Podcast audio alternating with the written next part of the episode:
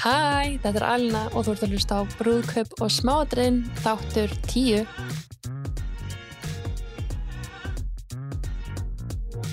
Eins og alltaf að býðið innlega velkomin í þannan skemmtilega þátt. En í þessu þætti á kerði ég sérst alla leið e, til Njarðvíkur til að tala við hana Andru Íslefsdóttur en hún er með svolítið skemmtilega sög að segja og mér finnst svo gaman að hitta ólíkt fólk og sjá ólíka nálinganir og líka ólíkt hugafar því við erum alls ólík og við viljum líka ólíka hluti fyrir brúkastæðinsinn og erum tilbúin að gera ólíka hluti fyrir brúkapið okkar. Og þetta var mjög skemmtilega umræðið um það um eitt hvernig hugafar er gott að hafa þegar kemur brúðköpsskipulæginu en hún sem gerði nánast allt bara sitt brúðköp sjálf, hún pantaði bóðskortu sjálf hann hefði allt viðbjörðabriðsöfnið skreitti, tók niður og smíðaði fullt af hlutum líka sjálf því að maður er smiður sem er bara what? Sem er bara geggja, þannig hún er svona full on DIY manniska til í að bara fara í slægin og gera þetta allt sjálf. Og það er líka geggjað ef maður er með sérstakar skoðanir og vil hafa þetta á sérstakann hátt um, og það kom líka bara svo glæsilega fallega út hjá henni. Og það er ótrúlega gaman að tala við hana um bara eitt hugafarið, hvað fór í að skipulegja, hvað er gott að hafa í huga þegar maður er að gera allt sjálfur og kaupa allt sjálfur og utan eins og AliExpress og Amazon og allt það og hvað er gott að varast og þannig. Þannig ég held að þetta verður geggjað þáttur fyrir þig. Ef þið langar að gera og skipulegja þetta eigið brúðkaup og sjá um alla litlu hlutana sjálf og ert með þessu geðsterkar skoðunum um hvað langar að hafa þá er þú bara algjörlega andröðu típan og þá er þetta bara jam-packed af uppsingum um hvað er gott að pæla í og líka það er allt svo gaman bara að fá smá insinn inn í dag annara og sjá hvað þeim fannst mikilvægt og ekki í sínum degi og hvað þeim fannst bara einmitt allt í lagi og hvað ekki því að eins og ég segi við erum öll svo ólík. Og það er alltaf markmið þess að þáttar er að gefa þér hugmyndir og líka bara insinn inn í ólíka skoðunir og hlutir og kannski finnur tengingu við eitthvað og hugsa, ég get alveg gert þetta sjálf. Og það er algjörlega markmið með þessu þætti. Þannig að ég ætla ekki að gera lengra. Hoppum við þáttinn og spjöllum við hana Andru.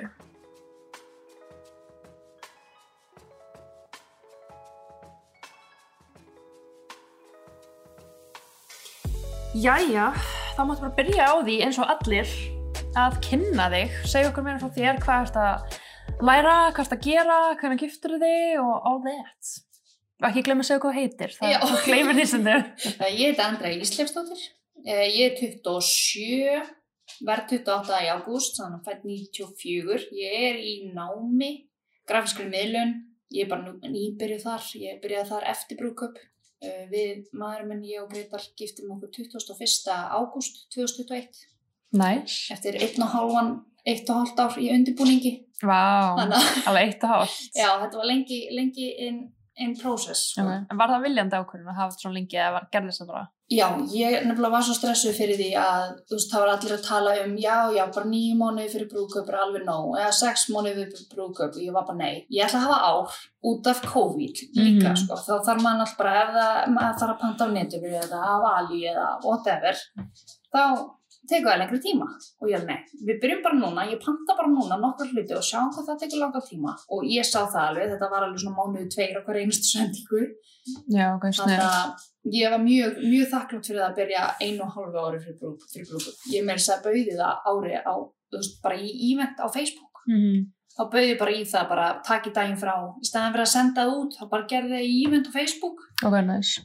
Og það var bara, ég gerði það í júni eða júni eða júli 2020 sko Ok, en náður þú samt að gera allt þegar þú var svona tímalega, það var eitthvað sem var samt á hakarum? Ég náði að gera allt ef ég hugsa út í það, það var ekkert svona sem mér fannst alveg, ó, mér langaði að gera þetta, ég náði því ekki okay.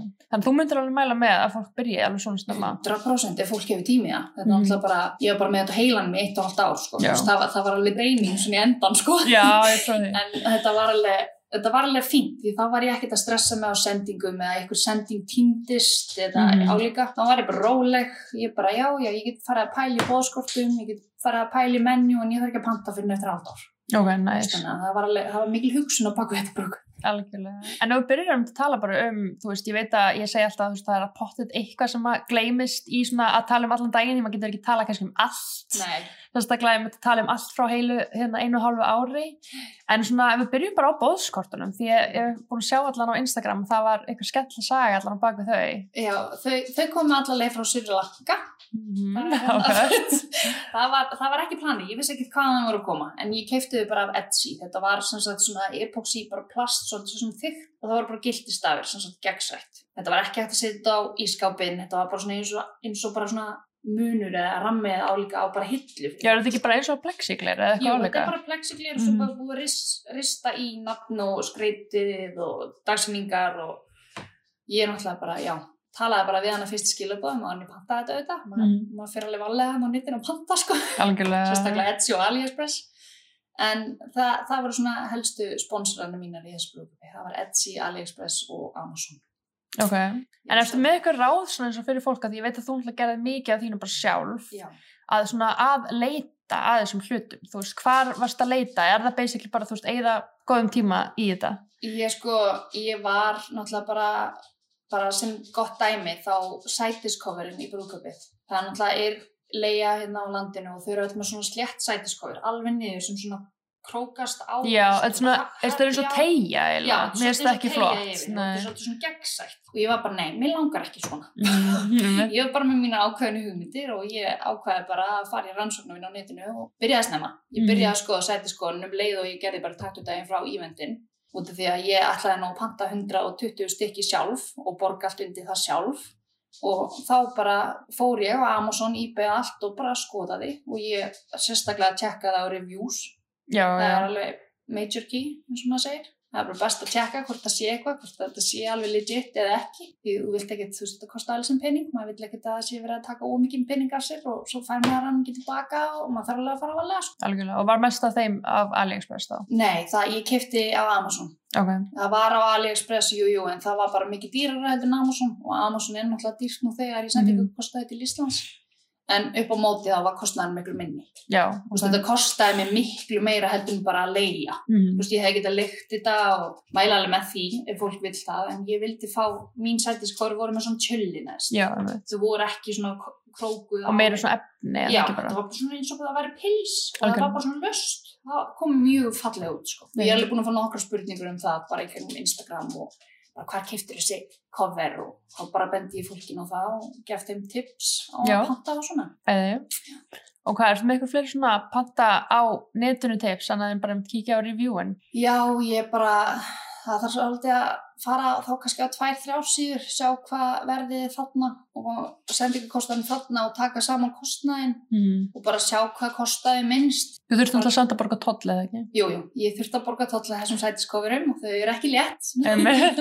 Þannig að ég, ég er búin að selja þau samt í dag. Ég seldi þau til hérna skreitingafrjómstunnar. Ok, kekja. Þannig að fólk getur farað þangað allan og líkt þau, Já, sem að eða hún, já, ég ætla, ætla mér að selja þau til hennar allavega, ég er búin að senda henni skilabóð og svona, er sem minnst hvort þið ferði þangað eitthvað annað. Það er bara, ég læt fólk vita. Já, algjörlega, fylgist þið með, spennandur þetta.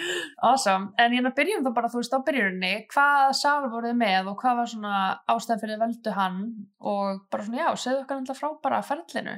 Já, ég, við fórum náttúrulega bara eins og eflust flestirinn á salur.is eða álíka hvað þetta heitir og fundum nokkra sali og pöntum okkur til þess að skoða það og við pöntum okkur í fyrsta svona að skoða salin í Arnarfellsalin í Kórkvarinu, sem sagt í samskipahöllinni, hesta, hestamannahöllinni. Við fórum fyrst þanga og við mættum og bara um leið og við mættum þá var ég bara, nei, hérna er brúðköpum mitt. Við kansilegum öllum hinnu sölunum. Við Ok. skoðaði bara eitt sal og ég var bara, nei, ég sá það bara svo mikið fyrir mér þarna, þú veist, þetta er svo ógislega fallegu salur, þú veist, það er heill veggur, bara veist, og bara náttur í kring og þú veist, þetta er bara, það er svolítið frálshendið þarna líka, við fengum rosalega frálshendur og fengum salin snemma heldur en bara sólaring fyrir, það var alveg mjög þægilegt að geta, við fengum hann á miðvíkudegi, Já, ok, nice. brúköpi á laugudegi, þannig að við vorum hann með þrjá daga bara til þess að stúsast í salinum og bara gera allt fínt og eins og við vildum hafa það. Já, líka næs, sérstaklega maður með mikið að dóti, þú veist, að geta Já. bara skuttlast með það líka nokkra daga, maður er kannski með kerru til að koma allt í einu, maður getur tekið tvær frá ferðir og Akkurat. nokkra daga. Og... Ég fekk eitthvað tengda fóldra minn til þess að fylla skotti sitt og ég fyllti skotti mitt og kom á miðvikudegi og ef það kom ekki á miðvikudegi þá kom það á veist, Það, það kom allt á, sinn, á þennan stað á, í Arnafellsalinn á sínum tíma og fór upp á sínum tíma og það, það salurinn var tilbúin um hátegi á fyrstu degi, það var voða þægilegt. Nice.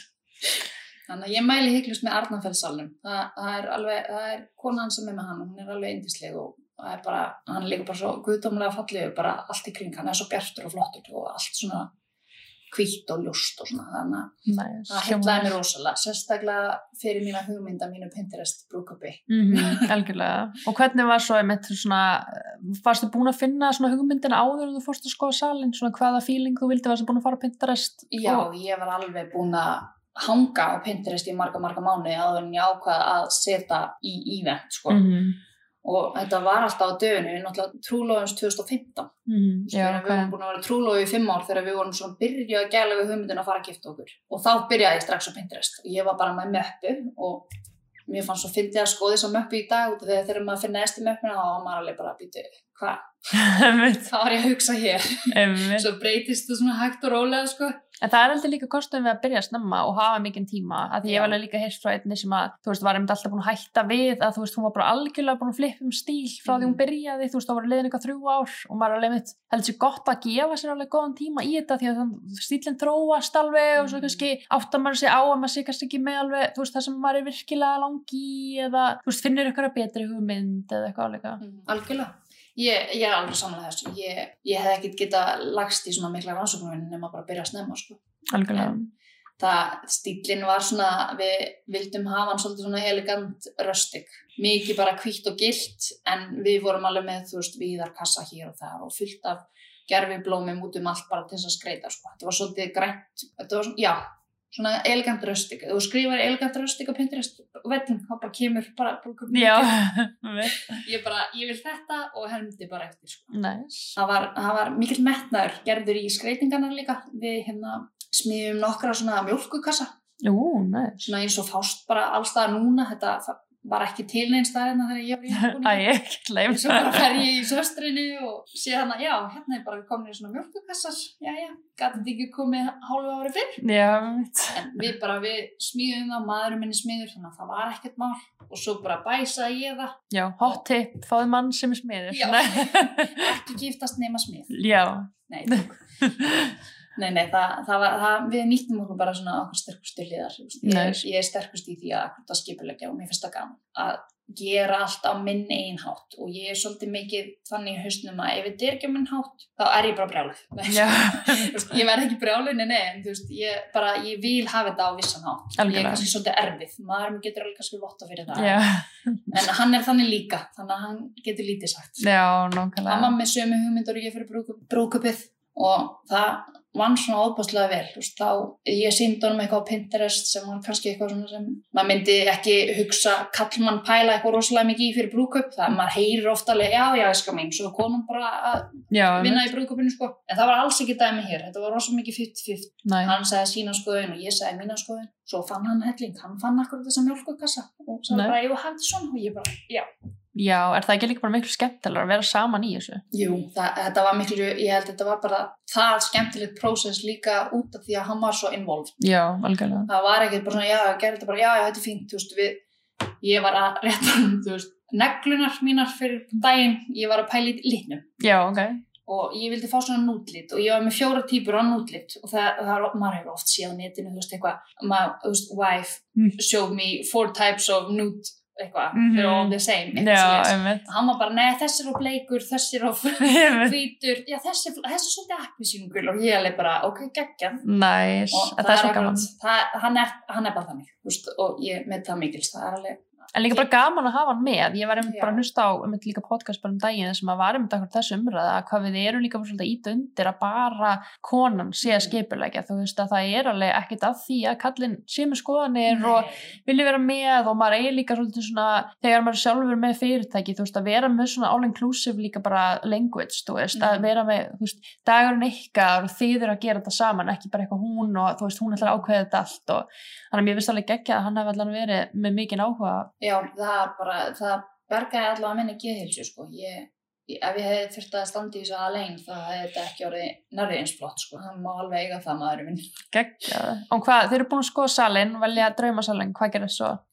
þá bara ákveðum við, bara fyrsta sem við ákveðum eftir þessum salin, þá ákveðum við að kaupa ljósasýrjur, bara svona jólasýrjur og við vorum með þá hugmyndi í hausnum að setja bara sýrjur yfir allt loftið. mm -hmm. Fórum bara beint í þá rannsóknarvinnu á netinu Einmitt. og keiftum það bara sjálf og salun var alveg bara nákvæmlega eins og ég vildi hafa hann. Þetta var bara, við keiftum 10 metra af ljósasýrjum, salun var eitthvað 10 metra á lengt þannig að við bara, við keiftum bara 10 stykki og einu var meter og rauðum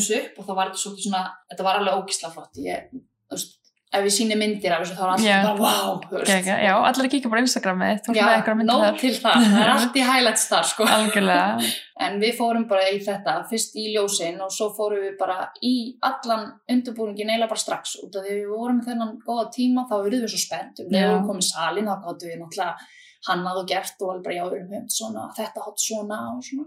Þannig að við fórum bara í að kaupa, við keiftum til dæmis svona efni í rúmfattalæðinu, mér varst það mjög sniðut. Það voru nefnilega svona gráar svona, svona eldvarnahurðar. Mm. Þetta voru Mm. eiginlega bara, þetta voru hurðar inn í salin, það voru náttúrulega hestamannahurð. Já.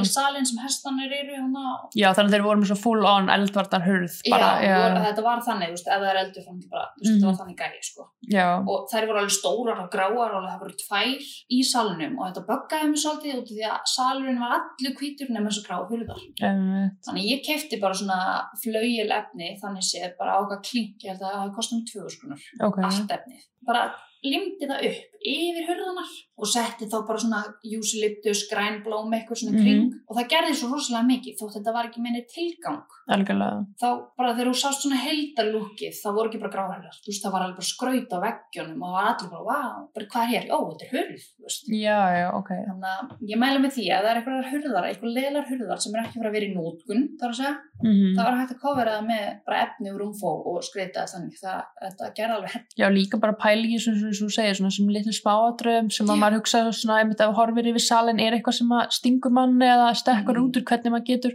falið það eða ég líka ofta ef ég sé eitthvað málverk sem að maður er ekki að skið, þú veist, þetta er ekki alveg litir on brand eða eitthvað, þú veist, spyrja hvort maður getur fengið að taka þau niður eða setja með eitthvað efni yfir eða eitthvað, ég finnst svo fyndið með líka með sali sko sem er kannski í eigu, þú veist, eitthvað gamla kalla og þeir er alltaf bara, eitthvað, hvað finnst þetta ljótt? Já. maður er alveg bara svo móðgast gæðið mikið og maður er líka nei, en þetta er kannski ekki beint skiluru að elegant rustic sko Langar ekki að hafa svo hérna einhverja creepy konu hérna upp á vegg þegar ég er að gifta mig. Nei. bara ólíka.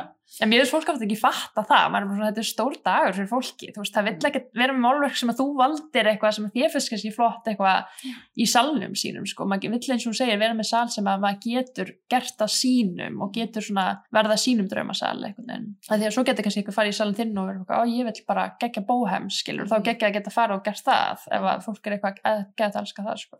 ég ógislega ánað allavega með útkomuna og við náttúrulega fórum náttúrulega bara all in í skreitingum og veist, það er ekkert nöðsinn fyrir hvern og einn að vera bara all in í skreitingum náttúrulega fólk gerir þetta bara allt á sinn hátt Mhm. og sinn veg og ef þú hlýtaði skreitingum þá er það bara líka alveg flott og fallegt. Gerir þetta alltaf að þeinum degi. Algjörlega. Og ég vildi bara mikið að skreitingum ég er svolítið típan til þess að fara overbort í hlutum. Mhm. það er alltaf ekkert að mér sko. algjörlega, ég fyrir alltaf svona the extra step.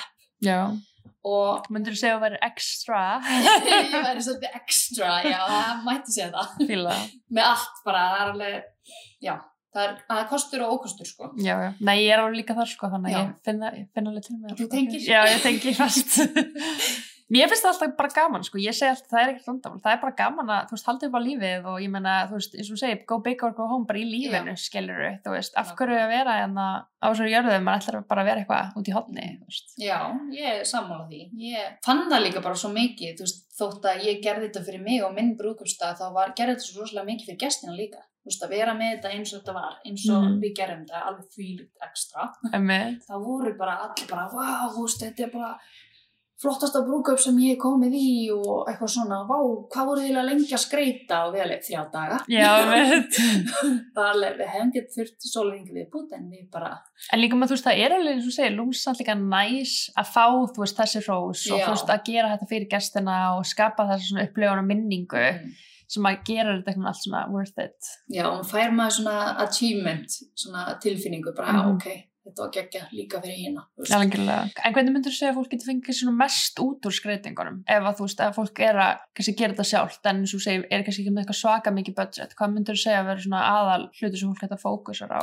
Ég myndi bara fókusera á, hann ætla að fyrir allt eftir hvað fólk vill, en svona með að mitt brúköp þá, og ég hef verið kannski með minna budget, þá hef ég 100% fókusa á gerfublómin sem ég var með út um Mhm. allt Einmitt. og mikið að hvítu. Veist, það gerði alveg svakalega mikið. Mhm. Og ég hérna var alveg með budget, við erum alltaf fórum langt yfir budget, eins og maður hefur en við samt bara, við fórum ekkert overboard, við vorum ekkert skuldug eftir daginn, Nei, skilur ok, við, það þannig að við hérna pössum það rosalega vel. Og þess vegna var ég svona mikið á netinu að reyna að finna sjálf og græja og eitthvað. Því gerfublómi eru ekkert ódýr hér að lendist, það má alveg bara segja það á svört og hvítu, þau eru mjög dýr. Mhm. og ég fann bara og ég prófaði mig bara áfram, ég kefti fullt af eitthvað ógíslega ljótu drasla á AliExpress Já, ok. en svo kom einn geðvið flottur og þá Ok. bara pantaði ég hann aftur Ok, Þú geggjað. veist, en kostnaðurinn, jú, jú, það hérna, hann var aðeins meiri en við áhullum en ég sé ekki eftir einni einustu krónu þótt að það er eitthvað, ég notaði kannski 70% af því sem ég kefti í skreitingum sko. Já. 30% var bara svona, nei, þetta er ekki að ganga En það er Og kannski að svolítið- sko. en það er líka kannski svolítið eins og segir kosturinn og ókosturinn við að gera þetta sjálfur Já. þú veist, maður er svolítið kannski meira að þú veist, bara svona prófa sig áfram og svona experiment og sjá hvað gengur og hvað gengur ekki og Já. þá er mitt þú segir er náttúrulega ykkur kostnað sem fer í Mhm. þessa sem eru ljótir og Já, algjörlega, maður man alltaf bara tekur það á sig sko, en maður vil hafa þetta svona á nákvæmlega þennan hátt og þá nákvæmlega þessi blöð og þessari rósmeg nei, en þetta, jú, jú, þetta var alveg geggjað og alveg fór alveg fram úr öllum þannig séu væntingum sjálf þótt sé sjálf frá þá bara, við vorum bara, já við náttúrulega vorum með svo góðan tíma, við vorum náttúrulega bara tekinn að brúkupin í eitt og allt algjörlega. og varstu alveg dögulega að fá hjálp frá öðrum? Já, ég hefði ekki getað þetta nefnum bara með nánustu náttúrulega, mamma mín, hún er náttúrulega bara alveg eins og ég hún Mm. fyrir overbort í öllum svona hún fyrir alltaf það ekstra stepp þannig En hún að var bara mjög til. að vera með hana og henni datt akkur til hug rúmfattalægir efni sko. Ok, Ég var bara, já, geggjað. Og gerði það bara strax sko veist, hún græjaði þetta, hún reddaði þessu hún reddaði bölum hún, bara, ég hefði ekki getað redda helmingunum út á mömmu minni sko Já, hvað myndur þú segja að væri svona, þú veist, kannski, ég veit það ekki, svona lengdamáli í því að gera þetta sjálfur, væri það einmitt að vera með gott tím bara og góðan Já. tíma? gott bakland, réttar sagt já, Mhm. þótt að sé fjölskyldaði vinir bara eitthvað sem er gett til að hjálpa þið við hennar dag getum mætt og hjálpa að skreita Mm veist, við mættum hann á miðvikudegi og bara það var mamma, það var sýsti mín, það var eldri og yngri sýsti mín, það var mákona mín og hinn mákona mín og veist, frænka mín með þessa Já, ok. þú veist, hún mætti bara, hæ, ég ætla að koma að hjálpa og ég var svo þakklátt fyrir það, hún gerði alveg helling fyrir mig, Ok, geggja. Ásta Birna, það mátt fá Næs. hún, hún var alveg bara, já, ég hefði ekki getað sleppt henni, ég var ógislega þakklátt fyrir að hún bara mætti bara, já, til, þá var hún búin að tala um mömmu, sko. Já, ok. okay. ég var ekkert búin að heyra neitt, Æ, og maður, já, Ásta kemur, ég alveg, ó, ok. Já, geggja. en já, lindamálið er að hafa svolítið hóp. Og getur alveg gert þetta sjálfur en það þetta gerir svo mikla upplifun líka fyrir hópin að vera með, fá að vera með gera þetta, þú veist, þetta er alveg þetta er dýrmært í bankan, sko eftir á, En er ekki líka þín upplifin bara að fólk var ógslag til í að koma að hjálpa og, og, og mörgum langar líka bara, bara að vera með eitthvað, Alveg. að það er alveg. gaman. alveg 100% það var alveg hjálpur öllum áttum og svo þeir sem komast ekki en vildu hjálpa þeir eru alveg með samanskupið á að komast ekki Já, veist, sem æ. þarf alls ekki en veist, ég bara þakka huginn fyrir það að vilja hjálpa, sko. Það, það skiptir öllum máli ok, segðu okkur svo meira bara frá, þú veist, hvað hérna, eitthvað söluðalega sem þú varst ána með að hafa bókað og hefur ekki viljað vera án eða hérna, og kannski kom svona meira um salinn og, veist, og svo kemur að deginum sjálfum, eins og segir þau komið hann á miðvíkudegi að skreita og hvernig gekk það? Var eitthvað, var eitthvað sem gerðist kom upp á eða var þetta allt Já. bara eins og í sögu? það, það kom alveg efst í huganum á mér núna. Já, jú, jú, það kom svolítið upp á föstu deginu fyrir brúkup ég kefti spjald að Pixel fekk það til þess að prenta út í hérna borplan ég gerði náttúrulega bara borplanin sjálf og eitthvað og re- sendi þeim bara og þeir prentuði á svona bara spjald til þess að vera flýstandandi á Mhm. svona trönu, stóru trönu Einmitt. og hérna ég tók eftir því að ég skrifaði eitt nafn vittlust og það vantaði tvo á borplanið og þetta var sko klukkan eitt að hádegi á föstu degi Shit. og ég var bara oh my god, brúkupið á morgun það er föstu dagur, hvað er gæin er ekki vinnu hann fikk kannski úr vinnu í hádegin, ég veit það ekki og ég bara sendi e-mail alveg brjálið blablabla hérna og bara fekk e-mail tvei myndir sem það bara, herru, græða þetta fyrir, verði tilbúið eftir hálftíma. Þannig að Vá, þeir bara gjössamlega björguðu mér pixel, Já, þeir eru, bara, ég er búin að vinna með þau mikið, sko, þeir eru geggjaðir. Þeir eru Bara alltaf til að hjálpa. Já, ég hef ekki fengið neitt neikvægt frá þeim og ef ég ringi þá er það bara, jú, ég, ég er til í að hjálpa þér og ég hef alveg gert alveg plaggut fyrir aðra ívenda sjálf Mhm. og þá fer ég alltaf, ég fer alltaf bara beint til þeirra, sko. Já. Þeir eru voða þægilegir. Svo er líka svona svottar, sem ég ekki skemma fyrir. Já, svo það. og svo bara, já, skreitingaþjónustan til dæmis líka. Ég hérna fekk luktir hjá henni og fekk alveg að vera í miklu sambandi á hana þetta ár sem ég var í undirbúningi. Ég hætti við, pantaði, hætti við, bókaði meira, hætti við, pantaði. Þetta var svolítið svo leiðis Já, þetta já. ár. að Breytingin var svo mikil á ári, sko.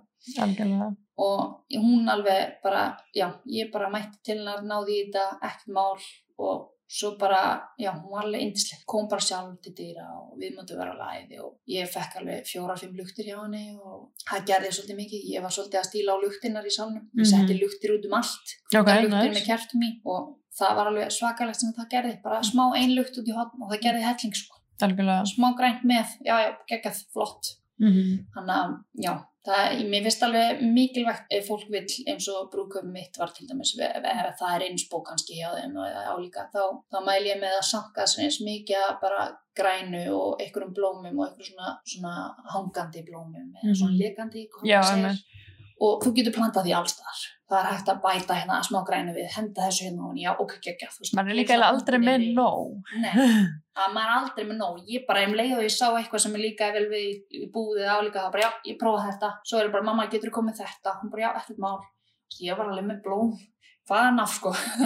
Þau voru ekkert alveg bara þessi típa bara. Ég var með svolítið bara svona fyrir sko útið á þetta, þessi löflega, júsiliptus og þetta dótri algjörlega. með hvítum rósum en ég var ekkert með, með mikið þar. Ég kefti þjónustu frá hérna Bjarkablóm, hún var alveg yndisleg, hún gerði allt fyrir mig, blómvöndi minn og kastvöndin og alla skreitingar sem voru lifandi sem sagt. Og ég var ógislega hana með hennar og ég var alveg með mínar hugmyndir veist, eins og með blómvöndi minn, mér langaði að hafa hann svona lekandi eða svona hangandi niður aðeins og sendi henni bara mynd af blómvönd sem mér fannst alveg gullfallegur af Pinterest og hún bara já já, ég græði þetta svo bara mætti ég að ná í blómvöndi minn og hann var alveg bara nákvæmlega, hann var ógeðslega fallegur Ok, já, geggja.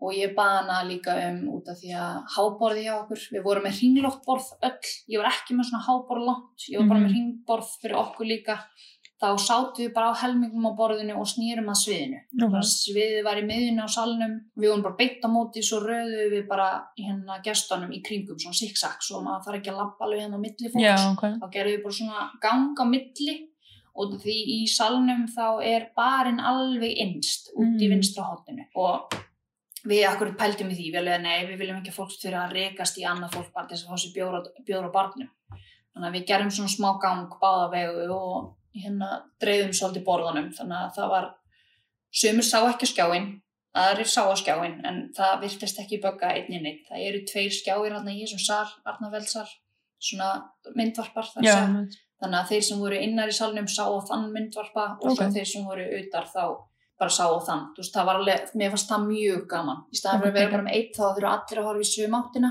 Þú voru við með tvo og þá svona, já ok ég get svona hort, sérstaklega að það var syngjaði svona vídeo og stekkina vídeo og svona. Ok, geggja.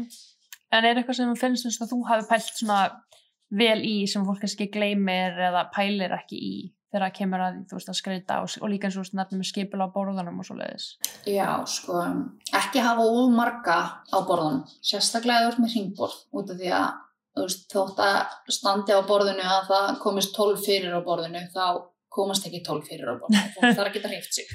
Þannig að þú þarf alltaf að miða við aðeins minni magn af fólki á borðunum heldur en sagtir. Það er mjög Mm. algengt, sko. Ég hef alveg heyrt það á nokkra máttum, það eru margir salir sem kannski segja, já, komast 14 við þetta borð, en svo þegar það kemur að það skreita, þá komast kannski bara 12, bara upp á stólan að gera, það fyrir rosalega eftir stólan.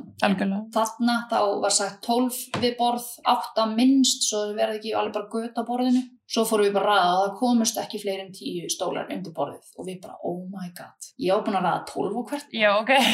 Þetta var á miðugudegi og ég bara, þannig að ég var hann á 50 kvöldinu með maska framann í mér að, að setja skól í hárið að mér fyrir brúköp að gera borðplanu upp og nýtt og þar að ekki, það var áður en ég fatt að ég glemdi tveim nöfnum og skrifa eitt nafn vittlust þannig ég að gera borðplanu aftur Þannig að Oh ég mæli með því að fólk fari yfir alla lista, sérstaklega svona upp á minni reynslu, að bara að sé 100%. Ég gerði það ekki, ég bara treysti sjálfur mér og það, ég, já, ég hef ekki átt að gera það. nei, en líka bara eins og segir, þannig að sé ég líka stressa sig þarna nokkur dögum áður. Já.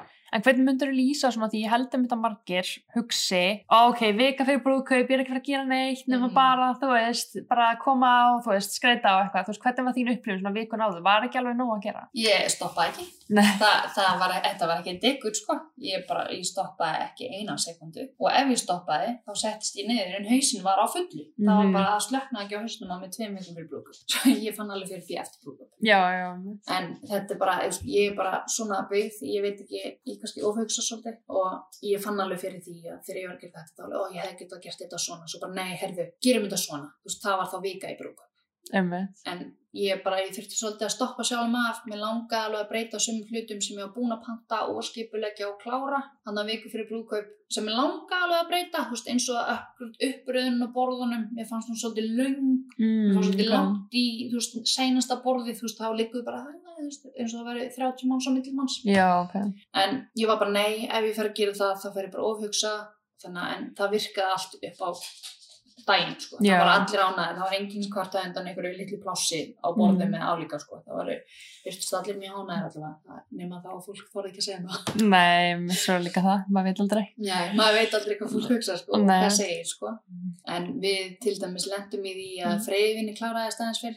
Við vorum svolítið þjætta dagskrá. Við sem sagt vorum með aðtöfnina, brúðkups aðtöfnina klukkan hálf fimm. Vorum með hana sérstaklega seint. Mm -hmm. Og hérna, svo var myndataka á milli og svo hefði við átt að mæta í salin, þar sem gestinni byggði eftir okkur um sjö. Og svo var matur bara um leið og, eða forrétturinn um leið og fólk labbaði inn í salin og forréttur bara strax aðalréttur og þú veist, við vorum með hlaðborð þannig að Ok. það var ekki bara verið alveg bara allir þjónanir bara sveittir að koma og fara með diska sko. Og hérna eftir rétturinn hann bara, hann var borin fram svona hálftíma eftir mat sem ég var stafu og þægilegt þú veist, við vorum að reyna að vera ekki í neinu miklu stressi en þetta var svolítið mikið þjætt dagskrá. Og við vorum með veislustjóra, hún heitir Eva mæli 100% með henni, hún er með veislustjóna.is og hérna hún alveg bara, já þetta er svolítið þjætt alveg hérna. Og hún bara, já. hérna held, heldur við getum þetta. Hún bara, jú, jú, við græjum þetta bara. Og í dag þegar ég hugsa tilbaka, þá hefði ég kannski átt að vera með aðtöfninu klukkan hálf fjögur. Þú veist, svona, Mm. aðeins meiri tíma út því að það byrjaði að rigna náttúrulega um leið og við fórum í myndatöku, auðvitað. -hmm. mjög típist. Og við tókum bara nokkra myndir, vorum búin og svona og mamma og pappi ég fól þeim það hlutverk að taka börnin, við höfum bara tvö börn einn fimm ára og eina takkjara og taka börnin og þau eru sagt í pössun hjá þeim um nóttina Ok. því að við ætlum ekki að fara á hótel, við ætlum bara beint heim í þægilegt og svona og eitthvað og hérna mamma fór og skuttlaði börnunum og þá náttúrulega þurfti ykkur að passa börnunum meðan hún var í einmitt. og sú kona var alveg reddi heima nema það, þú veist, hún var að fara úr kórakörun í grafhaldið á lögadegi Já, já. í ágúst. Þannig að það var alveg svolítið mikið pressa og við vorum svolítið að býða eftir að þau voru komin tilbaka svo þau myndi ekki missa skálinu þegar við mætum.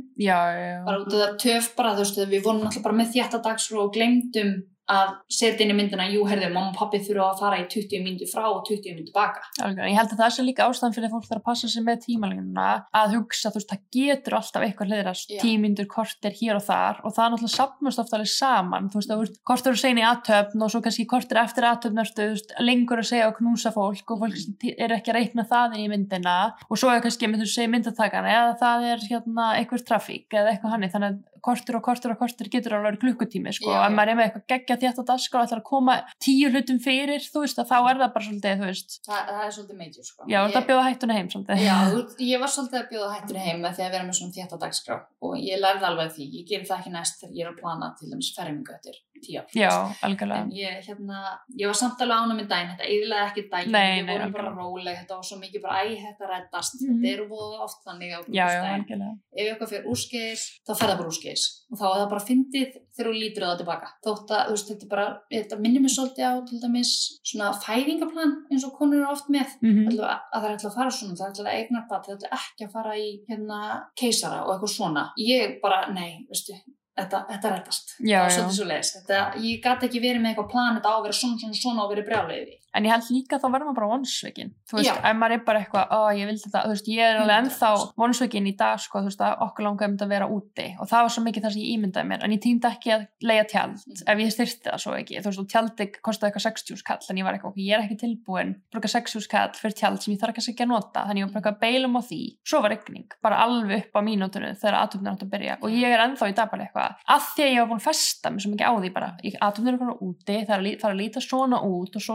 að að byrja. Og í að að að að að mér langar ekki að gifta mig í salnum hann er ekki nú flottur, þú veist, en svo þurftum við að gera það, skilum, þannig að ég er alveg enda bara, "Ah, þú veist, jú, þetta er mjög fallegt, en ég er enda bara eitthvað, ah, þú veist, og ég held að það sem þú segir, svona hættan á því að mentali verður maður að passa sig, að Mhm. þú veist, við erum ekki of mikið bara, ég sé daginn fyrir mig svona, hann verður akkurat svona Og að og, og engan öðruvísi annars er hann bara ónýtur. Já, akkurat, það má alls ekki ég, ég passaði það alveg. Ég var bara, nei, ég ætla ekki að vera vonsókinu með neinu, þetta fer bara eins og þetta fer. Ef ég gleyma að setja varaldi á mig, þá bara gleymi ég að setja varaldi á mig, það skiptir ekki máli. Eða það gleymist þetta að hitt í salmi þá bara, ok, þá bara rettast það öðru í sig Algjörlega. og við hérna við vorum í myndatökunni við vorum að býða til mamma og pappa og, og svo komum þau tilbaka og þá föttu við það út því við vorum búin að vera svo lengi burtu samkvæmt planinu, Mm þá hérna var freyðvinni búið Oh my god. og mamma mætti og hún alveg, já, ég ætla að fá glas, hún alveg freyði vinnið búið. Og mamma bara, ó, ok, þú veist, sjálf mamma mín. Já, gæti ekki skála. ég bara, ups, sorry mamma eftir á sko.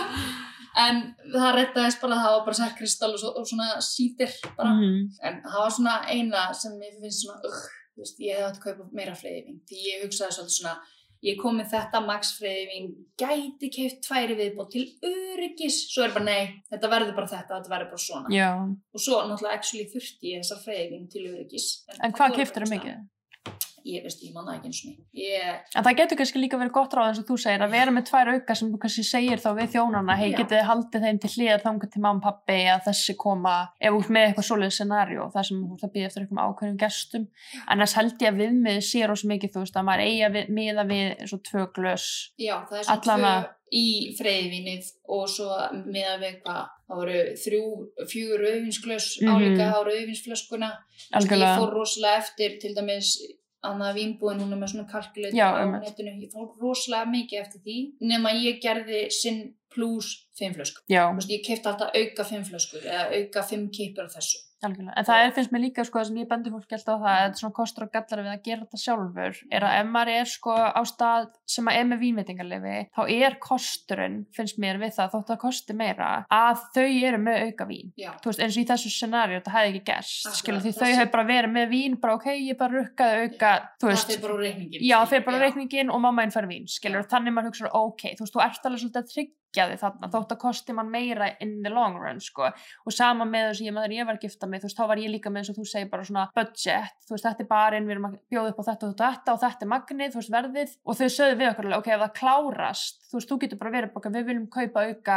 þú veist, 10-20 bjóra eða við viljum kaupa Frá auka kút eða við viljum kaupa, þú veist, þannig að þau voru með alveg fullt auka og það var svo mikil kostur. Þannig að ef maður vildi halda partínu gangandi og væri kannski eitthvað ægi, þú veist, ég splæsi bara eða sem maður eigi ríkar frenda eða eitthvað sem bara, ég skal splæsa þú veist, næsta, hérna, næsta kút eða eitthvað, skilur að það er hægt. Versus þetta það sem maður er bara eitthvað, ok, ég er búin að kaupa allt, það er ekkert meira Akkurat, það er svolítið, það er alltaf Arnafell, þau eru ekki með sitt eigi áfengi. mm -hmm. Þú kaupir allt sjálfur og þau eru með þjóna sem fylgja salnum og það er held ég einn þjóna hverja hundra manns nema það breytist eitthvað, þetta, þetta eru upplýsingarna sem ég fekk þegar ég var að kipta mig.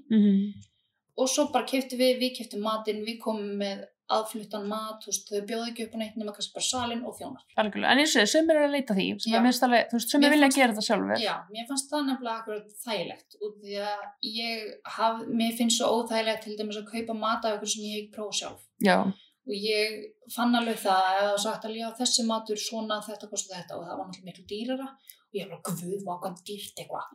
Og fór svo í Arnafell já þetta kostar ekki mikið en náttúrulega er ekkert included. Nei, algjörlega. þarf þetta að kaupa matinn annar staðar frá og svo þú setið þann pening saman þá er það líkaðu dýrara sko. Já, algjörlega. Já, ég segi það fólki það, en það er svona hættan sko við að gera þetta sjálfur svona, er að þetta er svona falin kostnur. Ég, er með, ég, hérna, ég tala oft um þetta eins og þegar maður flýgur með ykkur flugfélagi, þú veist, að fljúga með ódýra versus dýru flugfélagi, að þú veist, ódýra flugfélagi er þetta þá er þetta ofta alveg orðið bara mjög svipað eins og að fljúma Íslandir og ferð bara allt included skilur, ef þú ætlaðir að taka hvort þið er sömu hlutina þannig að ég held að fólk verður líka svolítið að passa svo því að vera þá líka bara eins og segir hafa nóg tíma og gera sína einu rannsóknum, tjekka þá ok, hvað er kostnæðan að fara að vera en alltaf á móti kemur eins og þú segir, þá getur meira bara þess að þetta eftir þínu, þú veist hvaða þjóna vill ég, hvaða mat vill ég, hvernig vín, þú veist og þú getur komið þitt allt eigið bara það sjálf. Já, algjörlega. Þetta er rosa það, mér get alveg ímyndi minna þess rosa þægilegt að fá sal sem er með vínveitingar, redda er bara með áfengi sjálft og matinn, þú bara borgar á einu bretti. Þannig að það er svolítið einfaldar svolítið hlutina. En ég er náttúrulega eins og ég var. Ég vil, ég vil hafa þetta á minn hátt Algjörlega. og ég gerði það algjörlega. Ég valdi rauðvinni og allt það sjálf og friðvin eða smimanninu með þetta og alla drikkina, elgós og þetta sem var í bóði. Og mældu og keftu þau bara í vinnbóðinu bara. Já, við keiptum bara í vinnbúðinni og við bara fengum að ringja í þau og segja að við erum að kaupa fyrir brúðkaup og fengum bara svona þannig tilbúð. Ok, nice. En það var ekki það mikill munur á verði og bara kaupa bara eins og þú myndir lappa bara inn í vinnbúðinu og segja neitt, sko. Ok. Þannig að fegst smá afslátt? Já, já, það var aðeins, en það var í gegnum, það var í gegnum hérna frænda, sko. Ok. Þannig að það kannski spilaði svolítið. hérna... Annað ráð þá ykkur frænda sem vinnur Okkur frændi í vínbúðinni. Já.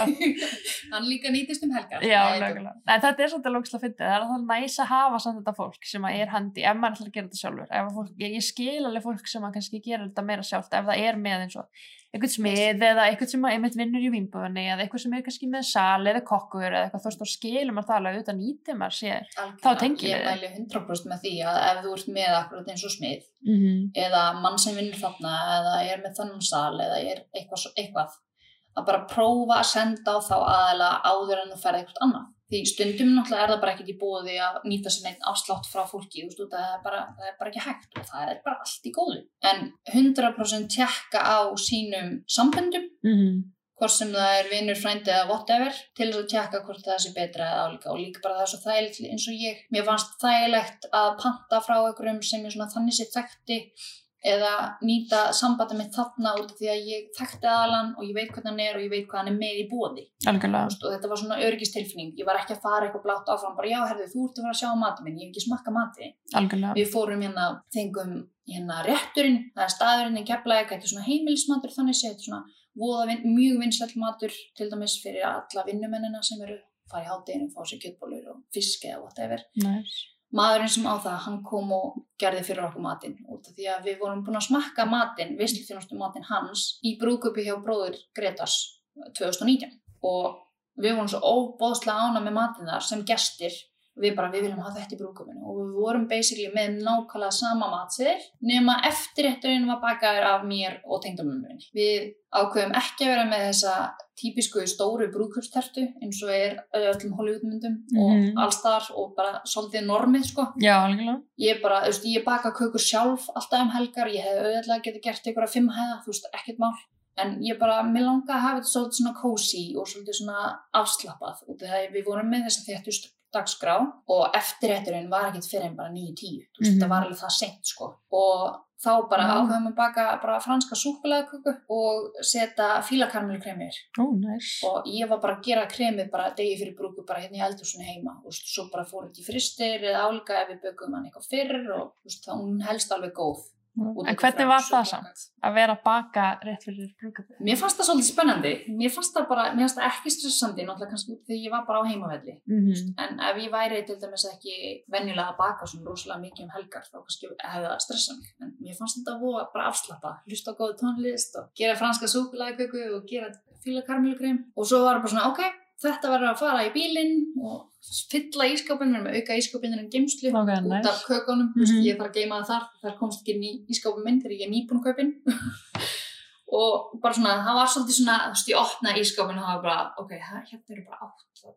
franskar súkulegakökur, ég er að fara að gifta mig á morgun, þetta var svona wow, og það var orðið svolítið svona það var orðið svolítið ríl þegar ég var að byrja að baka fyrir brúðköpi sko. Algjörlega. en við vorum bara með þessa fransku súkulegaköku á hverju borði, fengum bara diska hvaðana frá tengdamömmu og mína kökudiska og mömmu kökudiska og bara gerðum þetta og gerðum þetta fínt og svo bara settum við þetta á hvert einsta borð Já, ok, þannig að gera bara jafnmörg á borðin. Já, basically. við með 14 borð, gerum 14 franska súkulegakökur og settum, veist, hérna byrinn, bara degi fyrir og bara einn ískáp, það er góða við Arnafell, þau með marga svona kæla, þannig Ok, að þetta geggjað. bara alveg raðað og ekkert stress, ekkert fyrir neinum og já, svo var þetta bara búið fram á hvert einsta borð, fólk þurfti ekki að standa upp til þess að fá svo köku. Nei. Það bara satt, skar sjálft og bara svo sá maður alveg, þú veist, sömborð og það var bara einn þriði farin. Önnur borð bara tvær sneðar eftir Já, já, og eftir brúköpi var þetta alveg algjör kostur út af því að þegar ég vaknaði morgunin eftir þá langaði mig í köku. já, næs. Ég var of mikið að spjalla við fólk þannig ég fekk mér ekki eftir þetta minn Mm. sem ég gerði sjálf í á brúköpsdæmi minn þannig að ég var bara opnið okkur köku. Það bara gæti fyrir nýskap það voru þú veist, hálf, hálf, hálf. Þannig að þetta var alveg mjög mjög homey stemning hann í brúköpinu. Við vorum að reyna, að reyna að hafa þetta bara eins af, afslappað og hægtir.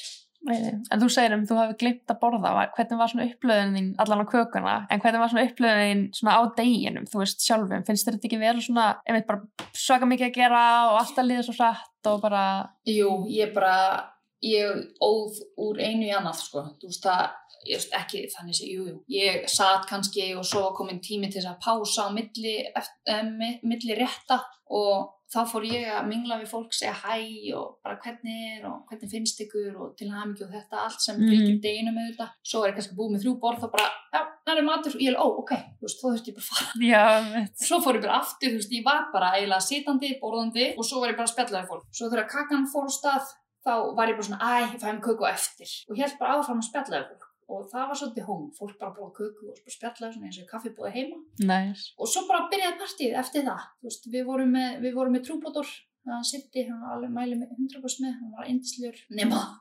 fólkið okkar, fjölskyld og vinir voru svolítið jamfist, þannig að það var kannski ekki trúbótor stemning. Við vorum búin að borga hann fyrir tvo tíma og hann var held í klukkutíma. Já, ok. Við bara, herri, það er bara ekki stemning fyrir þessu, við vilja allir bara fara að dansa og djama og og, og við fengum hérna, hann bara, já, já, ekkert mál, bara no worries og svo kom bara DJ-in, við vorum með Heiðar Ausmann, hann Ok. kom með sitt eigið hljóðkerfi Ok, ekki, ekki. og það berga okkur alveg, það er hljóðkerfið hann en við vildum fá bara almennlegt sem myndi ekki klikka eða álíka, bara Mm. fyrir ræðunar og svona og fengum að nota það allan Ok, hann bara næs. kom deginum áður og setti þetta upp og kendi okkur svona sirkabát, kendi veislustjórunum sirkabátu Mhm. þetta og svo bara mætti hann hann að 11-12 og hann var til fjögur Ok, vá, það var partí til fjögur. Við, hérna, og við vildum ekki að partíi myndi stoppa þá sko. Nei, nei, ok. bara kjónanir var orðin svolítið þreytir. Æ, og við vorum alveg bara svona uff og það var eiginlega bara svona vininir eftir. Fjölskylda var náttúrulega alveg farin. Já, og við vorum alveg bara svona uff og ok og, og við fórum bara þannig séð þá. Og þá fórum við, náttúrulega við búum í Njarvík vorum með vislun í Reykjavík. Þannig að við fórum bara í svona partirútu tilbaka. Við vorum samferða nokkrum gestum bara. Þetta var ekkert einhver limúsi og eitthvað voru róm og þetta var bara svona eins og jammið 18 ára nei, það var alveg ógslega gaman og við fórum bara heim, komum hingað og hérna vinnar hans Gretars borguðum þess að taxa hann fyrir okkur óvænt ó, bara næs. smá auka, það var alveg ekki ég glemdi veskinu mínu Já, hérna ok, heima, sko. Ég var ekkert með korta af mér þennan daginn. Og hvað varst í brúarkjólunum í, í partirúðinni? Já, ég var allan tíman í brúðakjólnum og ég bara, ég var með smá slóða ekki langan, ég hengd hann bara svona aftan á mig Nice, með já. nælu og var í honum allan daginn. Þetta var leinsilt, hann var þægilegur, ég elska hann alveg jafn mikið og núna, hann var svona skítur. Já, trú því. Mér fannst hann ekkert skítur, svo bara horfi á hann, þú veist, áður en hann fór í hreinsun bara, já, sæll, það er bara eins og það hefur held yfir mig hérna mold og bara, Já, og ég bara, ó, ó, en það sást ekkert á myndunum. Ok, Þannig að nice. maður var ekkert að bögga sig á því, það var bara fyndið og minningar, í, minningar komnar í kjólinn. Já, það er fallegt. Þannig að já, eina sem, já, við- freyðivíninn náttúrulega kláraðist eins og við sagði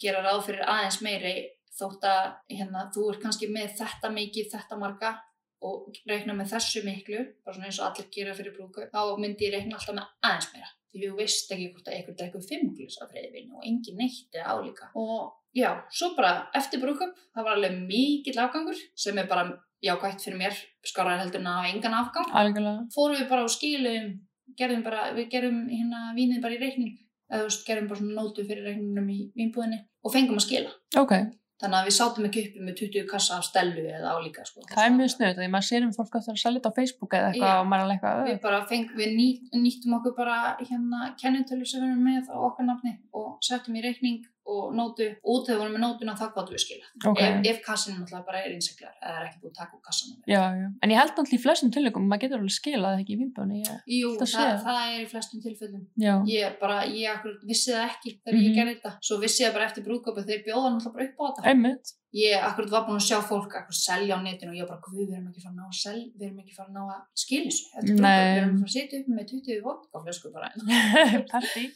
en nei, nei, það var ekki mikill afgangur en það var alveg mikill og ég til það ágætt. Það frekar að hafa mikinn afgang eða lítinn eða hvað það er Mm staðan fyrir ekki neitt. Því að fólk mannalega eftir, já, freyði vinnu kláraðist. Það man ekkert eftir að það var endalust áfengi sko. þannig að já, þetta var algjört partí. Við vorum bara, við vorum þangur til að Ísland hætti, við vorum senust út basically og það er svolítið í okkar anda, við vorum alltaf senust heim af djamminu og svona þegar við vorum. Þannig að þetta var alveg svona algjörlega, þú, þið finnst þú hafa náð að hafa þetta svona authentically þið. Já, og þetta var bara 100% við. Það, bara, það voru líka margir sem sögðu það bara, þetta, bara, þetta öskra Greitur og Andri hérna og bara partíið var bara endislegt og geggjað og svo er ég líka svo mörgum vinahópum. Ég er úr Reykjavík býð í Njarvík og hérna á vinahóp í Reykjavík og vinahóp hérna í Njarvík og svo ég vinnu vinahóp Mm og þetta er fólk sem hefur kannski ekkert hist. Og ég fann bara svona stemningin, ég ræði náttúrulega eftir borði eftir fólk sem þekkist og svona og bara stemningin var alveg svona, hvað segir maður hún var svolítið bara svona, maður fekk bara svona fyrring í maður og það voru allir í svo góðu skapi það voru allir að mingla, það var engin svona eitthvað fúll út í hodni bara, mm, nei, nei, Nei. nei, það voru allir að taka þátt Gekkja. og Bara stemningin, bara það var því gekkja. stemning sko, og það var bara svona gott loft í Já. öllum Andrumslofti bara. Já. Mhm. það var ekkert svona þessi talaði ekki við þennan eða neitt bara út af því að þau þekkjast ekki það var bara allir, vinkonum mínu voru að hitta mömmu mínu kannski fyrst skipti og þær voru bara bestu vinkonur í enda kvöld Algjörlega. sko. Ef þið heyrir sleikiljóð þá er hundurinn.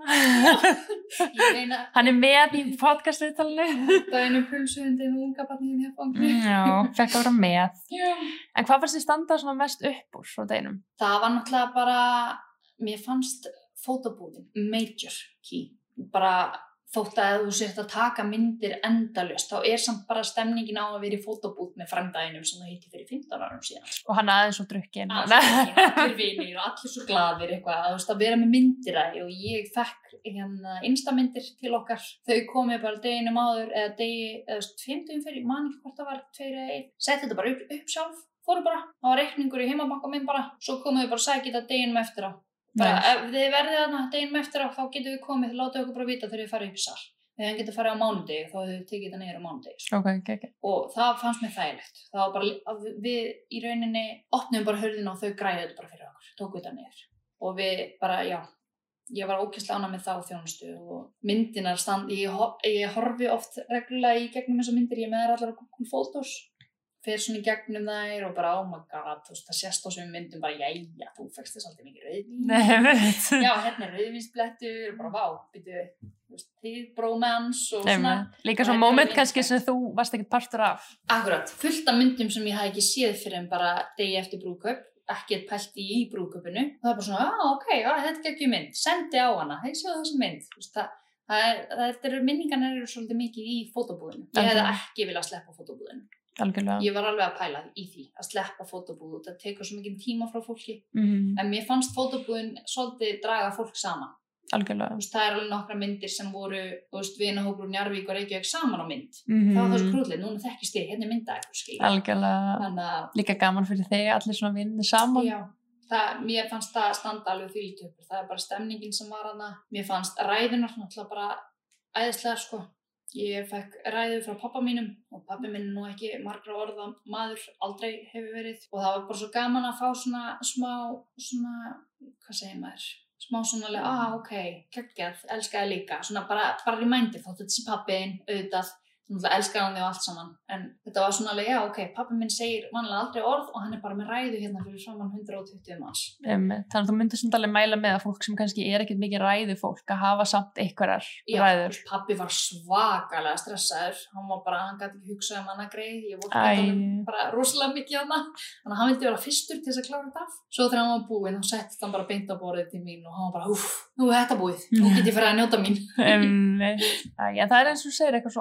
Ómetanlegt af því að þetta er svona, þessi svona ámenning bara og þú veist maður segir þetta samt svo sjaldan. Þú veist þessu sömur er eitthvað alltaf að segja elska þig eða Nei, Eitthvað veist, segja eitthvað svona- um hann. moment, Mhm. bara þetta moment fyrir fram að þetta marga, þetta var bara svona eins og moment í ykkur Hollywoodmynd, ég var alveg bara oh, ok, svo fekk maður minn ræði frá pappa sínum með þetta líka og ég líka, ég var náttúrulega inklútið þar inni og mér fannst það alveg svakalega gaman. Hann er alveg eins og pappa minn, hann er ekki margra orða maður sko.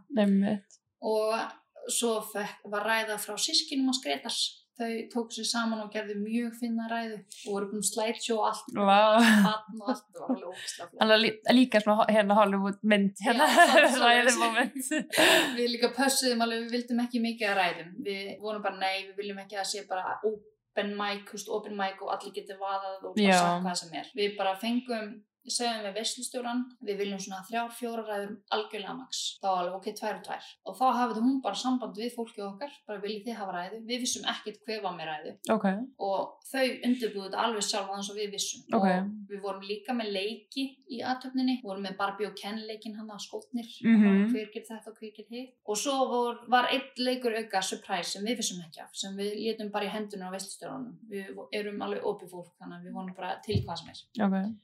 Og það var, alveg, það var leikurinn hann að standið upp ef þið viljið þetta. Og við máttum ekki horfa á skjána baka okkur og við Mm. ætlum að gíska hvað var á skjánum. Það var alveg ógislega gaman. Ég, mér fannst mjög gaman þetta surprise element Algjörlega. Þú veist, fá ekki að vita nákvæmlega hvað er að fara að gerast næst Oh my god, ég myndi samt ekki meika það sko. Ég er rosa mikið eitthvað. Ég segi alltaf að fólk, lát, láti fólk vita ef það er með veislustjóra eða eitthvað, hvort þið vilji surprise eða ekki. Já, veistustjóran vissi þetta alveg sko. Já, hún var alveg með dagskrálan hreinu en hún sagði okkur ekki neitt En það er fínt, þú já, það er mynd fínt þess að segir, þú veist, að veislustjórun spyrji, þú veist, viljið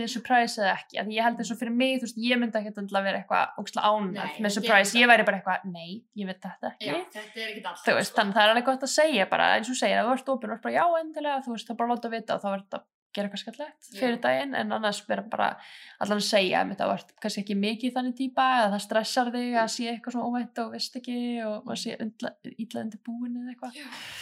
Alveg, þú veist, fólk er náttúrulega bara mismunandi. Algjörlega, Mér fannst þetta úr, þetta surprise ræðunar og fótobúðin já, Mér fannst þetta bara alveg 100% skilur að hafa sko. Algjörlega, en hvernig var einmitt svona, þú segir, þú veist, daginn eftir að fóruð einmitt að taka niður að það ekki skraut og eitthvað svona, hvernig fannst þér vera svo lending svona daginn eftir? Sko, við náttúrulega bara þurftum ekkert að fara deginum eftir á. Það var bara sagt, þið takið þetta bara niður, þetta þarf að vera tekið niður bara fyrir miðvikudaginn. Við fengum basically viku bara fyrir okkur í salnum, sem var ábóðslega þægilegt. En við mættum á það, mér fannst þetta svolítið skrítið. Ég var bara, hér var ég bara með visslu, mm. þetta var bara, ég er bara gift kona. Ég hugsaði örgulega hundra sinni með í daginn og meðan ég var að taka niður blóm úr skreitingunum. Ég er bara hann eiginkona.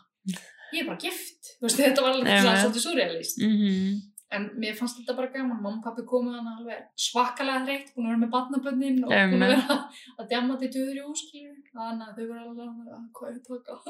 um, En jú, jú, mér, mér fannst það svolítið surrealist. Ég var alveg lengi áttum á því að ég var hann eiginkona. mm Það, var, það syngaði ekkert inn, náttúrulega sambandi breytist ekki neitt. Nei, nei, Það var bara þetta partí, svo bara eftir partí ertu eiginkona, þú ert ekki lengur unnusta eða kærista, Einmitt. eiginkona. Og var alveg mánuði tvo eftir og bara, "Mm, við erum bara gift, Greitar. Það er oft sem við verðum svona, já, shit, ég er gift. Við erum líka alltaf að finna að fólk eitthvað svona fyrir svo að tala um vini manns og vininni segja og kona hans Já. maður hans maður, ha, hver? Ég, já, ég Hún náttúrulega konan hans, ég leið, já, jú, jú, það, það er ég, það er ég. Svo nýtt identity. Vinkonunnar sem eru, þú veist, kannski ekki giftar og eru hérna bara, kannski allt ennum stað í lífinu, eru bara, já, og svo náttúrulega, hún náttúrulega gift, hargift kona, og ég bara, já, ég, jú, það er rétt.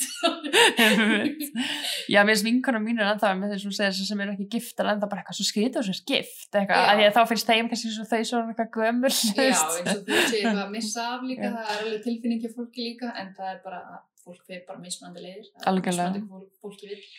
En hvað myndur þú segja að hafi mest hafi verið mest ánæðast með að hafa gert og mest séð eftir að hafa ekki gert eða gert Ég sá kannski mest eftir þessar þéttu dagskrá. mm Bara, veist, ég fann ekki fyrir stressinu, ég bara hefði viljað hafa kannski prósessið lengra. -hmm. Og, veist, jú, jú, þetta var kannski ekkert eitthvað súper þétt. Mm En mér fannst alveg, ok, jú, ég skil alveg að fólk sem er aðtöfn í hádegi en partíði fram á kvöld. Og hérna, ég sá kannski mest eftir því og að kaupa ekki nógu mikið. Einmitt.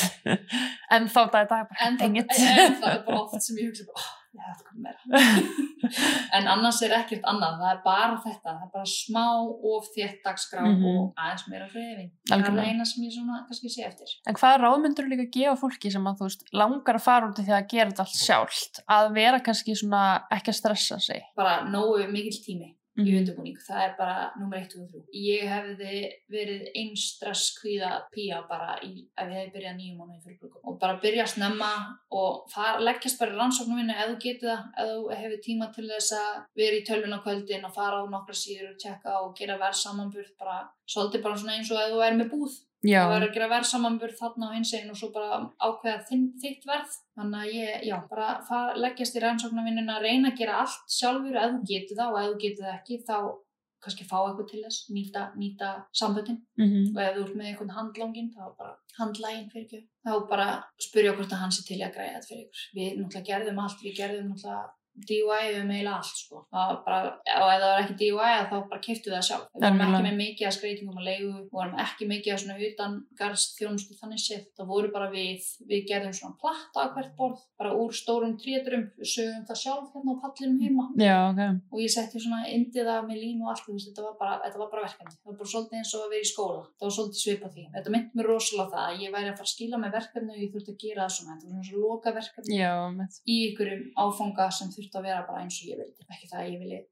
bera saman brúkur með því skóla. Nei, en ég skilði hvað meina, maður þarf líka kannski að vera svona típan í það, þú veist, að Já, vera típan í það eins og þú segir að finnst gaman að skipulegja, finnst gaman að pæla og DIY-a og svolítið nostra við hlutuna og líka kannski bara hugsa eins og þú segir, þú veist, hvaða stöðu er maður í, þú veist, er maður með fjóra krakka og engan tíma eða þú veist, og ef þú ert með lítinn tíma byrja þá bara ennþá fyrr, þú veist, tveim árum fyrr eða eitthvað, eða ef þú ert með mikinn tíma, þú veist, þá getur maður kannski byrja ári fyrr og, og þú veist, og setja svolítið yfir þetta eins og segir, bara rannsaka og pæla. ég pælti því, það er eiginlega eina ástæðan fyrir að ég þemma, Þú veist, ég er náttúrulega með tvö börn, ég er í vinnu ég er bara að gera helling í lífinu og ég var bara svona, herðu, nei, ég þarf bara meiri tíma en nýjum mánu það er bara, ég veit það. En ég meina, Þá fann, fannst þér eitthvað eins og fólk var eitthvað að finna skrýta og verður að bóka sannlega snemma og Jú, eitthvað?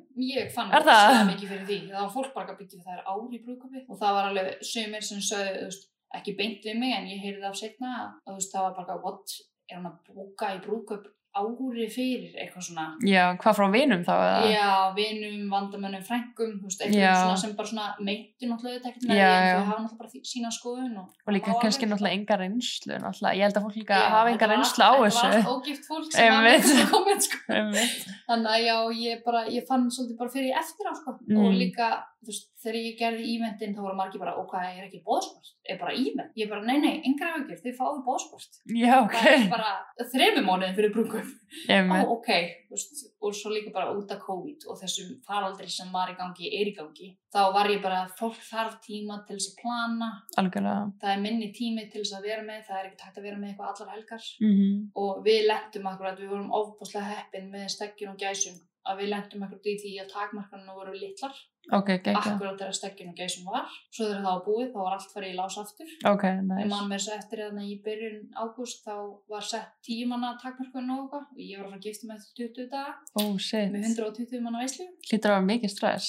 það var eiginlega, já, það var eiginlega mesta stressið þar Svona kvíð, bara svona kvíða valdandi. bara það að ég þurfti að cancela þessu verkefni sem ég var búin að vera að leggja blóðsvita og tári í senst að Mm. einu og hálfa árið ég þurfti bara að cancela Mhm. það var bara, og fólk kannski ekki komist út af því að það eru sjúklingar eða með sína ástæður, vilja ekki Einmitt. hætta á COVID og það var alveg mikið forföllum líka bara út af því fólk Algjörlega. sem var kannski með undirliggjandi forðiki eða tristi sér ekki og maður maður bara berið við ringu fyrir því. Og svo bara kom hann það held ég tveim viku fyrir brúðköp bara já, með að koma 200 saman. Og ég bara yes! Oh my god, alveg. Einmitt. og ég fór svolítið á hold. Þegar það kom þetta tíu manna takmarkanir þá fór ég bara svolítið, ó ok. Þá fór ég ekki í hver einsta kvöld að fara að skoða og svona, ég er bara svona, æ, ég gera það setna þegar ég veit hver status er á Mhm. takmarkunum og um leið og það breytist eitthvað þá fór ég bara fullt, fór bara Nice. Þannig að já, ég, bara, ég mæli með því að taka sér bara alveg rosalega mikið tími í þetta. Þú veist, ef þú vilt náttúrulega bara þetta traditional wedding, þú veist, að vera með í kirkju, vera með veislu, vera með brúðstörtu, eða bara eins og ég var með þetta, þá náttúrulega þarf meiri tíma heldur en ef þú vilt bara svona eitthvað lítið krútlegt. Kannski fara til síslumanns, það er alveg Mhm. affallegt. Algjörlega. Og þú veist, þá þarf kannski náttúrulega ekki jafn mikið tími í þetta. Þú þarft ekki að bóka það ári fyrir eða álíka. Algjörlega. En ég held líka að fólk verður bara að hætta, þú veist, eða, ég veit ekki, hlusta svona á sitt eigið innsæði og ekki vera að taka inn á sem eins og við erum að tala um, fólk sem kannski hefur ekki gift sig, hefur ekki á þessu og ef að það er að koma með eitthvað svona ráð, þú veist, svona gæsalappa eða eitthvað svona, eitthvað domgreind eða eitthvað, að líka bara, þú veist, láta að fara inn um eitt eða út um eitt, þú veist, að þú veist að þetta fólk er ekki með reynsluna, hefur ekki Já. gift sig og að geta verið að taka það inn á sig og vera bara, þú veist, ég er að gera sem ég tel sér best fyrir mig og eins og þú segja, þú veist, og þá bara endar allt vel. Mhm. Algjörlega, ég var með svolítið mikið það hugafar. Mm -hmm. Þegar það einhver kommenta á það var bara já en þetta er bara okkur mitt, ég vil hafa þetta svona. Algjörlega. Veist, það var alveg, veist, þetta var aldrei illa main, main comment, alls Mm ekki. En, þú veist, það voru svona litli hlutir eins og þegar við vorum að skreita og svona setja luktinu þarna, þá var ég bara nei, ég vil hafa hann þarna. Veist, ég var alveg bara ógislega leðileg, ég var ekki brætsilla. Nei, nei, ok. alls ekki, en ég var bara með mín ákveðnu hugmynd, ég vildi hafa þetta svona. Og meðan maðurinn var að hengja hérna tíu metra ljósum í loftið þá tóku við alla stelpunar og salin bara og settum upp borð og svona. Ég til dæmis leiði dúka. Það voru bara ferkantaði dúkar í salnum.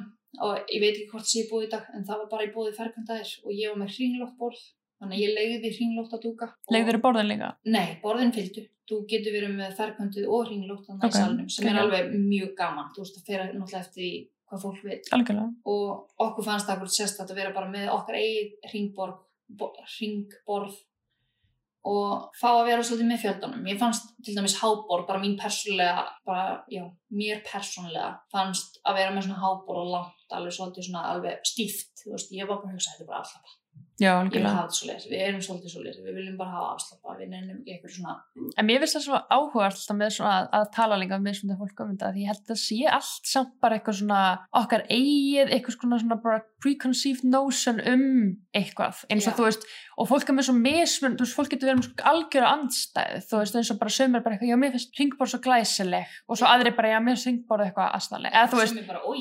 Já, þú veist, það er mjög svo áhugavert með þetta, þú veist, að því að finnst þetta geggja stíft, eins og ég var einmitt með svona stórt háborð og mér fannst það vera bara svona allt í lagi, skilur, þú veist, ég var ekkert með eitthvað svaka skoðan á því, en ég var bara, já, mér fannst það bara fínt og svo aðri bara, nei, þetta er bara alveg, þú veist, en það er algjörlega líka eins og segir, bara gera eftir sínu og sínu höfum, að þitt brúku var svo æðislegt sem ég er alltaf svo mikið að hamra með fólk, er að gera það eftir sínu höfði og eftir þínu sambandi og þínum feeling og, og þínum skoðunum, þá er það að fara að vera velhæfna brúðkaup en ekki- Já, en ekki eitthvað sem að þú ert að fylgja eitthvað ákveðinu trendi eða reglu að því öll brúkur sem ég hef heyrt þú sem er bara eitthvað vandrali eru þessi brúkur sem fólk mætir og er bara eitthvað vák, þetta var ekki þau og allt svo stíft og þetta var bara eitthvað glæsi þú veist, eitthvað að reyna að vera glæsilega reyna að vera fín þegar þau eru bara ekki þannig þú veist, Já. og þá verður þetta svo óþægilegt fyrir fólk og fólk finnur það alveg þú veist, Já. þetta er ekki alveg, þeir eru ekki alveg að vera samkvæmt sjálfum ykkur, þeir eru að reyna að móta ykkur inn í eitthvað brúkusbox sem ykkur finnst þurfa að vera í og, svo, og þá verður dagurum bara ekkert eins eftirminnilegur og eins einstakur eins og fólk sem fer bara sína eigin leiðir líka eitthvað brúðkaup, þetta er svo persónulega hlutur, þetta Mm. er ekki bara eitthvað partí, sko. Þetta er brúðkaup, þú ert að giftast manninu innum, konuðinni, eða hvaðina og þetta þarf að vera svolítið þið til þess að, að ég vil trúa því, þetta þarf að vera svolítið þið akkurat til þess að þú verður alveg bara, já, þetta var fullkomið. Algjörlega, og ég var alveg farið í brúðkaup þar sem það var alveg bara svona gett stíft og mér sjálfri sem gestur var alveg bara svona, ég fann þetta eins og segir. Algjörlega. Og finnur svona væp í loftinu þú veist, þetta er ekki bara svona, svona ah, ok. Og ég held að það hafi verið svona successful hjá okkur bara líka upp á gestina, gestinu og svona nær því við vorum bara við. Algjörlega, og eins og með akkurat hringborðið þú veist, eina sem að böggaði mig ekkert, ég hef getið verið að há borðið sko, en maðurinn minn hann var bara nei, mér fannst ég, mér finnst ég vera svo mikið svona on display. Já, já, já. Og ég er svona, já, ég skil hvað átt við. Líka vera á Já. öðruvísi borði kannski, ekki eins og allir eins og vera já. eitthvað æðri eitthvað svona, sem maður var alveg svona, já, já, ég skil hvað átt við. Ok, verðum það bara með hringborð. Og ég skildi hann alveg sko því hann var, var ein tauga hrúa greið maðurinn þangað til við dönsu eftir það var hann, hann sjálfur hann var bara svona stífur alveg bara ég, ég þarf að vera flottur, ég þarf að vera fínn alveg hérna. Og hann var svo stressaði fyrir fyrsta dansinum bara aðtiklin sko. Já, en við vorum akkur með það bara afslappa við vorum búin að plana svona eitthvað fyndin dans gera eitthvað svona ógisla fyndið fara í eitthvað steinalæf eða eitthvað já, en við vorum bara, nei, við höfum ekki tími í það. Nei, ég var búin að plana það sko ári fyrir. Ég ætlaði að hafa bara svona gett róla en svo kemur svona eitthvað. Já, já, já. Og breytist í eitthvað algjört flip mér fannst það svo flott að sýstir hans skipti svo spánu og gerði það og það er alveg eftirminnlegt eftir það brúkum bara, já þetta, þetta var geggja þannig að ég var alveg, og svo breytist það bara. Ég var alveg, nei, höfum þetta bara svona rólegt bara svona afslappað, nóga mikið stress í lífinu nóga mikið stress í samfélaginu höfum þetta bara svona moment. Algjörlega, líka maður heldur bara þar að þú veist pick and choose your battles, þú veist, Já. það er ekki að gera allt líka, að þú veist reyna bara svolítið að velja úr hvað meika sens og líka eins og segir út frá karakter og svona hvað og leggjast akkur í það, bara hvað vilt þú? Mm. hvað, hvað finnst þér og þínum partner flott og hvað ekki og hvað viljið þið? Ekki gera það út frá tengdamömmu, mömmu eða frængu eða systur sem segir þetta sé flottara. Það, þú þér, þetta er þitt brúkup ekki láta það hafa áhrif á þig hvað öðrum finnst í rauninni. Ég, alveg, ég var alveg þar. Hugafarið var alveg bara á réttum stað fyrir brúkupið ég þótti séð sjálf frá. Ég var bara búin að undirbúa mig það lengi að það var það Æði, mér finnst þetta bara æðislegu staður til að enda podcastið á þessum nótum og bara verður þú sjálf og fylgdu þínu innsægi og endilega segðu fólki hvað það getur kannski fengið sneak peek úr þínu brúkupi og hvað það getur fundið þig með fleiri spurningar eða eitthvað álíka. Ég er náttúrulega alltaf opinn fyrir spurningum inn á Instagram. Ég er með allt í highlights. Það er bara Andra Íslistóttir á Instagram og heitir bara brúkum mitt og undirbúningur. Þetta er hlifið hlið hann í highlights og ég það er bara eins mikið í highlights og. Það Instagram stoppaði mig þegar ég ætlaði að bæta við. Það kom eitthvað, you have too much, eitthvað. Þannig að ég var að reyna að dreifa þessu svolítið. Og ef það er eitthvað spurningar þá er allt í lagi að senda mér á messengers eða álíka. Ég er duglegin á brúköpshugmyndir grúpunni. Ef þú ert ekki þar að undirbúa brúköp þá er grúpa á Facebook mm -hmm. sem heitir bara brúköpshugmyndir og það er alveg, fólk er alveg ógeðslega duglegt að setja þar inn spurningar og ef Hjálpa það er öðru. já, hjálpa, akkurat það, ég stólaði svolítið mikið á þessa grúpu. Og ég er mjög dugleg þar inn og líka eftir brúköpið það er Algjörlega. afsökun til þess að tala um brúköpið Algjörlega, Nei, en líka bara gaman ef maður er með reynsluna að geta komið inn og hjálpa öðrum. Svo tips og triks og hvað er þetta best og hvað myndur ekki gera svona. Og svo þetta podcast. Algjörlega, til þess er það. já, Til að hjálpa fleirum. það vantar svona meira. Meira Algjörlega. svona á landinu. Það Já, þarf að gera eins og bandaríkin. Þetta er út um allt í bandaríkin ég vil hafa þetta svo leiðis á Íslandi. Já, bara að þetta sé aðgengilegt, og, og fólk líka sjáu virðið því að hafa þetta, þú veist, opið og sýnilegt og þetta sé aðgengilegt öllum. Maður sé ekki að fara inn í, eins og ég lýsus alltaf eins og eitthvað svart hól þegar maður er að fara að gifta sig. maður veit ekkert hvað neitt er og maður er að finna fólk og eitthvað að hrópa á milli og, og maður veit ekkert hvað er gangi og... þess vegna, þess vegna lendi ég að Ég ég að ég vildi bara undirbúin mér nóg vel. Ég gerði mér þess að checklista, ég deildi honum mér svo á brúðkum. já ég svo það, það finna það Það var mikið að spurningum, bara geti fengið checklista en alveg hér. Þannig að ég sett hann bara þar inn. Þannig að hann er þar, hann heitir bara checklisti. Já, þið bara leitað eftir líka, þið leitað eftir nafninu þínu á brúkusummi, Já, þá getur þið fundið allt sem hún er búin að posta. Já, Þannig að bara Íslandur. Já, bara tjekkja á því, en bara takk aðeinslega að með öll, allir þinni upplifun því að fólk er með svo mismunandi, sömur að gera sjálfur og sömur að gera minna sjálfur og það er bara gaman að fá alls konar sjónamið og heyra Algjörlega. þína rýslu. Og takk fyrir að hafa mig. Takk fyrir bóðið og var bara óslega gaman. Já, takk fyrir að hafa mig.